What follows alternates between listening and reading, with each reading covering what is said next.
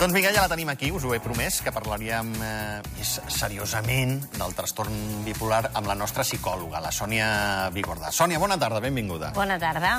Eh, bé? Tot bé? Fantàstic, perquè ens hem d'estirar a la teva xeslong, eh, ni que sigui virtualment, per tractar el tema de la bipolaritat. Primer de tot, Sònia, què és el trastorn bipolar? Jo crec que, i per començar, volia començar escoltant ara al Jordi i amb ganes també de veure l'obra, no? perquè crec que, que és quelcom que al final trenca no? una mica l'estigma de la salut mental, perquè ho ha definit molt bé, no? ha dit parlem del trastorn bipolar, però hi ha altres trastorns que al final avui en dia eh, estan no? la salut mental i, i els tenim al dia a dia, però és com que els volem etiquetar i ens fa por, no? perquè que algú et digui eh, que és diabètic, bueno, sí. és diabètic, no? I també és un tractament eh, que al final és una malaltia, no?, que sempre la tens. Qualsevol altre trastorn bipolar, un trastorn de l'estat d'ànim... Vull dir, també és un trastorn i també és una enfermetat, no? Llavors, una, aquestes malalties les tenim dins de la salut mental estigmatitzades. Uh -huh. Què és el trastorn Vinga, bipolar? M'has fet aquesta pregunta, no? Al final és, és un trastorn que passa en diferents... que hi ha, bueno, hi ha diferents tipus, eh? Però, bueno, al final, per fer un resum i que tothom ho entengui, és un, hi ha un punt de que passes dos fa, hi ha dos fases, o pot ser una fase depressiva o una fase maníaca, no? Val. La fase depressiva és aquella fase on tens la tristesa, tens aquell punt, sentiment d'aïllament, no? Pues la, no tenir ganes de fer res, estar completament bueno, voler-te quedar aïllat, no? I després tens la fase mania, maníaca, que al final és tot el contrari, no? Aquesta que, energia, eufòria, il·lusió desmesurada. Si la fase maníaca, també hi ha la hipomaníaca, que és igual, però una mica més menys eh, enfatitzada, i després podem trobar les dues, no? És a dir, moments de molt, molta depressió i moments de molta mania. O sigui, un estat d'ànim fosc. Eh? Passem, passo d'un extrem a l'altre. Sí, sí, i al final és una mica, no? És a dir, moltes vegades eh, parlem, no? És que ets bipolar, no? I quan, quan ho associem, això, correntment o socialment al carrer? Doncs ho associem en el moment on veiem algú no? que de cop estava molt content i de cop estava molt trist. Sí. No? Amb aquestes dues emocions, sobretot, juguem. Bueno, doncs, és així, amb, però amb, amb un trastorn. Uh -huh. uh, com s'ha de tractar una persona amb el trastorn bipolar? Perquè imagino que ha de ser complicat. Clar, primer, el primer s'ha de per la persona s'ha de diagnosticar. És a dir, hi ha d'haver un diagnòstic previ, no? Normalment això pot ser generat d'un tema genètic, i es fan proves eh, físiques, es descarten també en primer moment coses físiques, a nivell, després a nivell psiquiàtric, i sobretot es tracta amb medicació. No. Això per la persona. Per l'entorn, no? L'entorn és complicat, perquè al final la, la, la salut mental, i insisteixo en això, no deixa de ser un estigma, no?, encara, i fins i tot un tema tabú. És a dir, obertament dir que vas a, a fas, estàs fent un tractament farmacològic i psicoterapèutic per tractar, en aquest cas que estem parlant avui, un trastorn bipolar, no és evident, no? És a dir, per què? Perquè ens sentim jutjats, perquè és quelcom que no entenem ja de nosaltres mateixos, eh? Ens jutgem moltes vegades nosaltres mateixos. I, per tant, ja donem per suposat que et jutjaran els altres. Per tant, eh, amb naturalitat, no? Eh, el Jordi això ho deia molt bé, no? I, hi ha un punt d'ironia i de sàtira dins de la seva obra, però deia, amb naturalitat. Bueno, pues al final perquè és quelcom que, que ens pot però passar qualsevol de nosaltres. Perdona, eh, Sònia? Una persona que passa de, de l'eufòria a la tristor amb molta facilitat, eh, pregunto, eh? Se li pot portar la contrària? Clar, són episodis. No és que de cop jo ara estic aquí, estic molt contenta i quan surto d'aquí 10 minuts eh, estic plorant amb un racó, no? És a dir, normalment els episodis solen ser d'una duració, no? És a dir, estic, doncs una època, la gent t'ho defineix com a èpoques, no? Unes èpoques amb molt i unes, amb molta tristesa i una època que em sento molt empoderada, amb moltes ganes de, de, de fer tot, no? de menjar aquest Val, punt o sigui, el canvi no es produeix en 10 minuts de rellotge. Amb, no és amb 5 minuts de dir... És a dir, no ara de cop estem aquí parlant molt bé i estàs riguent i, i hem de parar perquè... No, no. és això. No. Val. això seria una mica... Bueno, que al final sí que, clar, si ho passes amb càmera ràpida és això, no? Però, bueno, almenys són episodis. Val. Intueixo també que l'hem de tractar, aquesta persona, amb delicadesa, això sí. Sí, òbviament, igual que tots els trastorns, no? i amb respecte. Jo crec que més que amb delicadesa, amb respecte, no? com a qualsevol trastorn, i crec que això és important. Com es, com es diagnostica? Perdona. Bueno, pues al final el diagnòstic, eh, normal, normalment la causa eh, sol ser genètica, no? Llavors es diagnostica amb, amb proves, amb proves psicomètriques, a nivell psiquiàtric amb diferents bateries de proves i llavors a partir d'aquí normalment el tractament ja és a nivell psicofarmacològic i psicoterapèutic. Si m'estàs dient que una persona amb pare o mare eh, bipolar té més números de ser bipolar. Més predisposició. Pare, mare, sobretot, clar, si el teu ah, pare... Pues, sí, no?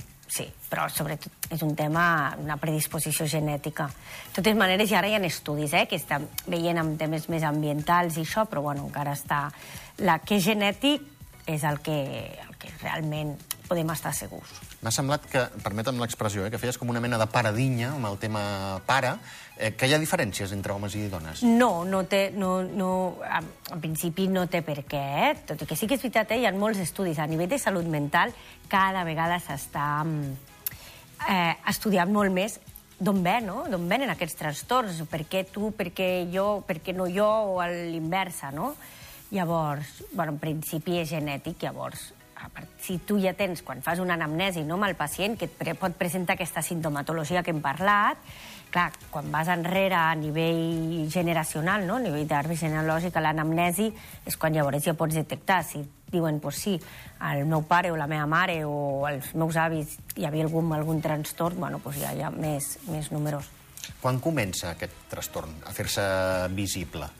Bueno, pot començar, és a dir, a la infància i a l'adolescència també se'n troben. Eh? Són més difícils potser de diagnosticar, no? perquè al final el nostre, el nostre cervell, igual que el nostre creixement, no? té un procés maduratiu, però, però ja es detecten amb infants i adolescents i en casos on ja es pot detectar. I quins són els símptomes, Sònia? Com a pare eh, o mare, eh, quan hem d'encendre el llum d'alarma i dir ui, hem d'anar a veure la Sònia Vigordà perquè, escolta'm, això... Al final, com tot trastorn, és a dir, és el moment on, on aquests símptomes afecten el meu dia a dia, no? Un infant, per exemple, pues, no només seria el pare o la mare que ho veuria, també segurament l'escola, les activitats extraescolars i tot el nucli que envolta la persona.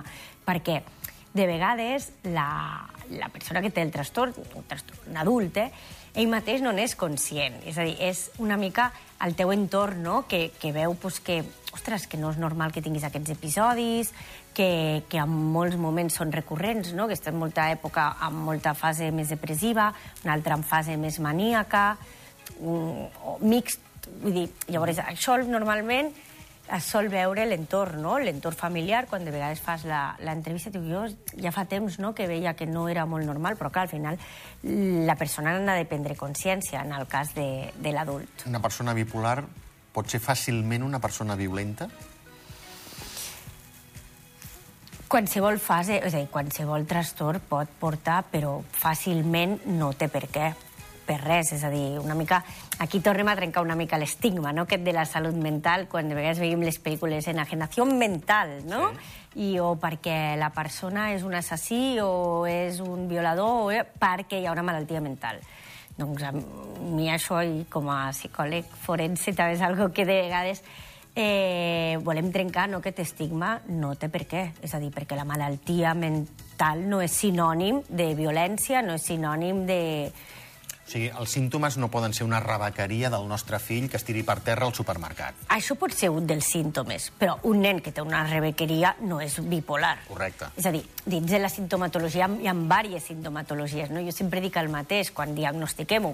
Jordi parlava molt bé i a mi m'agrada molt lo de les etiquetes, no? que ens agrada eh, diagnosticar quan nosaltres agafem el, el DSM-5 o el CIE per diagnosticar ostres, llegeixes i dius, ui, jo tinc això, jo tinc... I crea molts trastorns, sí. no? I al final els tens tots. I, i llavors, bueno, hi ha d'haver un, una sèrie de factors no? que, que, que facin que llavors puguem diagnosticar. Sònia, es poden evitar les crisis de la bipolaritat? Sí, de fet, de fet amb la medicació, és dir, les crisis existeixen, no? però per això hi ha el psicofàrmac adequat, que vull dir, aquí hi ha, un, hi ha una feina molt important del, del psiquiatre que medica, perquè, perquè es pugui, al final, estabilitzar. No? La medicació moltes vegades fa que els alts no siguin tan alts i els baixos no siguin tan baixos, no? que, que pugui haver-hi una estabilitat. I aquesta estabilitat també permet, a nivell psicoterapèutic, de treballar amb, amb el pacient. Com me n'adono jo, perquè és una pregunta que eh, volia fer, i, i tu has deixat caure la píndola, com me n'adono jo que sóc bi, bipolar? Eh, com accepto jo que sóc bipolar? Perquè una cosa és adonar-se'n i l'altra acceptar-ho. Les dues en una, Sònia. Com ho accepto i com eh, descobreixo que sóc bipolar? Jo crec que començarem per com descobreixo, no? És a dir, no, no està en un descobriment, però és a dir, quan al final tots aquests, aquests símptomes no? que, hem, que hem anat dient d'aquest trastorn m'afecten al meu dia a dia, no? És a dir, si estic en una fase mm, depressiva, estic en la fase depressiva, doncs això m'impedeix d'anar a treballar, de tenir bones relacions, em costa d'aixecar-me... Quan això es repeteix i és ja moltes vegades, perquè al final tots podem tenir eh, una època a la nostra vida pues, amb més amb, amb més tendència depressiva, amb un estat d'ànim... eufòria, no? Exacte, amb un estat d'ànim més baix, o amb més eufòria, no? amb més energia i més ganes de fer coses, no? Però sobretot és quan ja és, és exagerat, no? Quan això ja em perjudica els meus hàbits del dia a dia, no? Doncs em costa anar a treballar o, jo sé, o fins i tot l'eufòria fa que vagi tan accelerat pues, que em costi... Bueno, el meu dia a dia, no? Les coses uh -huh. bàsiques que podríem dir dels hàbits del dia a dia. Com ho accepto? Com ho accepto? Bueno, aquí, normalment, quan passen aquestes coses, la persona, quan et diu, clar, és que jo ja m'ho noto, que em costa el dia a dia, i, a més, al meu entorn, no? El que parlava abans de, el meu entorn ja em comença i m'ho diu i tal, llavors, bueno, es, es treballa amb l'acceptació també, amb la normalització. Amb la normalització no vull dir que sigui normal, no? però una mica, una mica tornant a trencar aquest, aquest estigma, no? perquè sembla que sí, que com que no se'n parla o com que no ho diem, fa com un aquest punt de vergonya, no? Sí, I això és així. És a dir, la persona té... Poca gent o coneixem que ens ha, s'ha presentat i ens ha explicat que té un trastorn bipolar, no? amb, un, amb un nucli social, fent un cafè o quan coneixem algú. Per què? Perquè encara ho desconeixem i sembla que sigui com, uf, eh, li pot passar alguna cosa no, al final les persones diagnosticades amb aquest trastorn, amb el trastorn bipolar, eh, viuen i tenen una vida... poden arribar a tenir una vida estable. Uh -huh. uh, Sònia, imagino que el principal ho hem pogut explicar, no sé si queda alguna cosa. Si, eh, en principi, jo crec que ho hem explicat. Jo crec eh? que sí, jo crec que també l'obra del Jordi ens, ens ajudarà a tots a tenir-ho més a prop. Sònia Vigordà, gràcies. Gràcies a vosaltres. Molt bé.